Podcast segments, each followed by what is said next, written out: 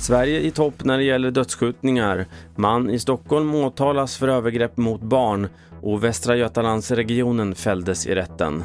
Jag först i TV4-nyheterna om att Sverige ligger i topp bland Europas länder när det gäller dödsskjutningar. Det konstaterar Brottsförebyggande rådet i en ny rapport som presenterades på en presskonferens i morse. Där framgick också att Sverige är det enda landet i Europa där antalet dödsskjutningar har ökat sedan år 2000. Klara Radilova Selin är utredare på Brå. Men man, ser, man framförallt kan se att Sverige har flyttats från nästan botten av rangordningen inom Europa, Europa till, till att hamna väldigt högt upp. Det är bara Kroatien som de sista fyra åren under den här perioden vi har studerat har högre nivå och det blir väldigt våld med skjutvapen. En 67-årig man i Stockholm åtalas nu för övergrepp mot 12 olika barn.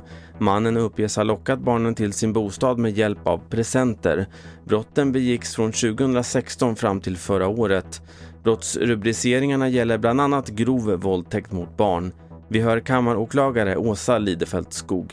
Jag skulle säga att bevisläget är, är bra i det här ärendet. Eh, vi har ju dels då en rad filmade övergrepp och sen så har jag ju också uppgifter från de här barnen.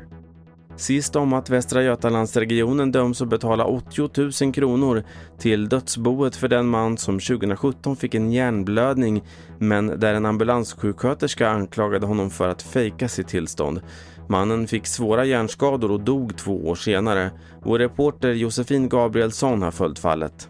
Det här eh, ledde till att man i journalen skrev att eh, det kunde handla om eh, kulturell svimning och det skulle då vara en benämning som, ja, som syftar på hans etniska härkomst. Och DO menar då att den här värderingen ledde till att mannen fick en senare vård. Det dröjde alltså innan han fick träffa läkare.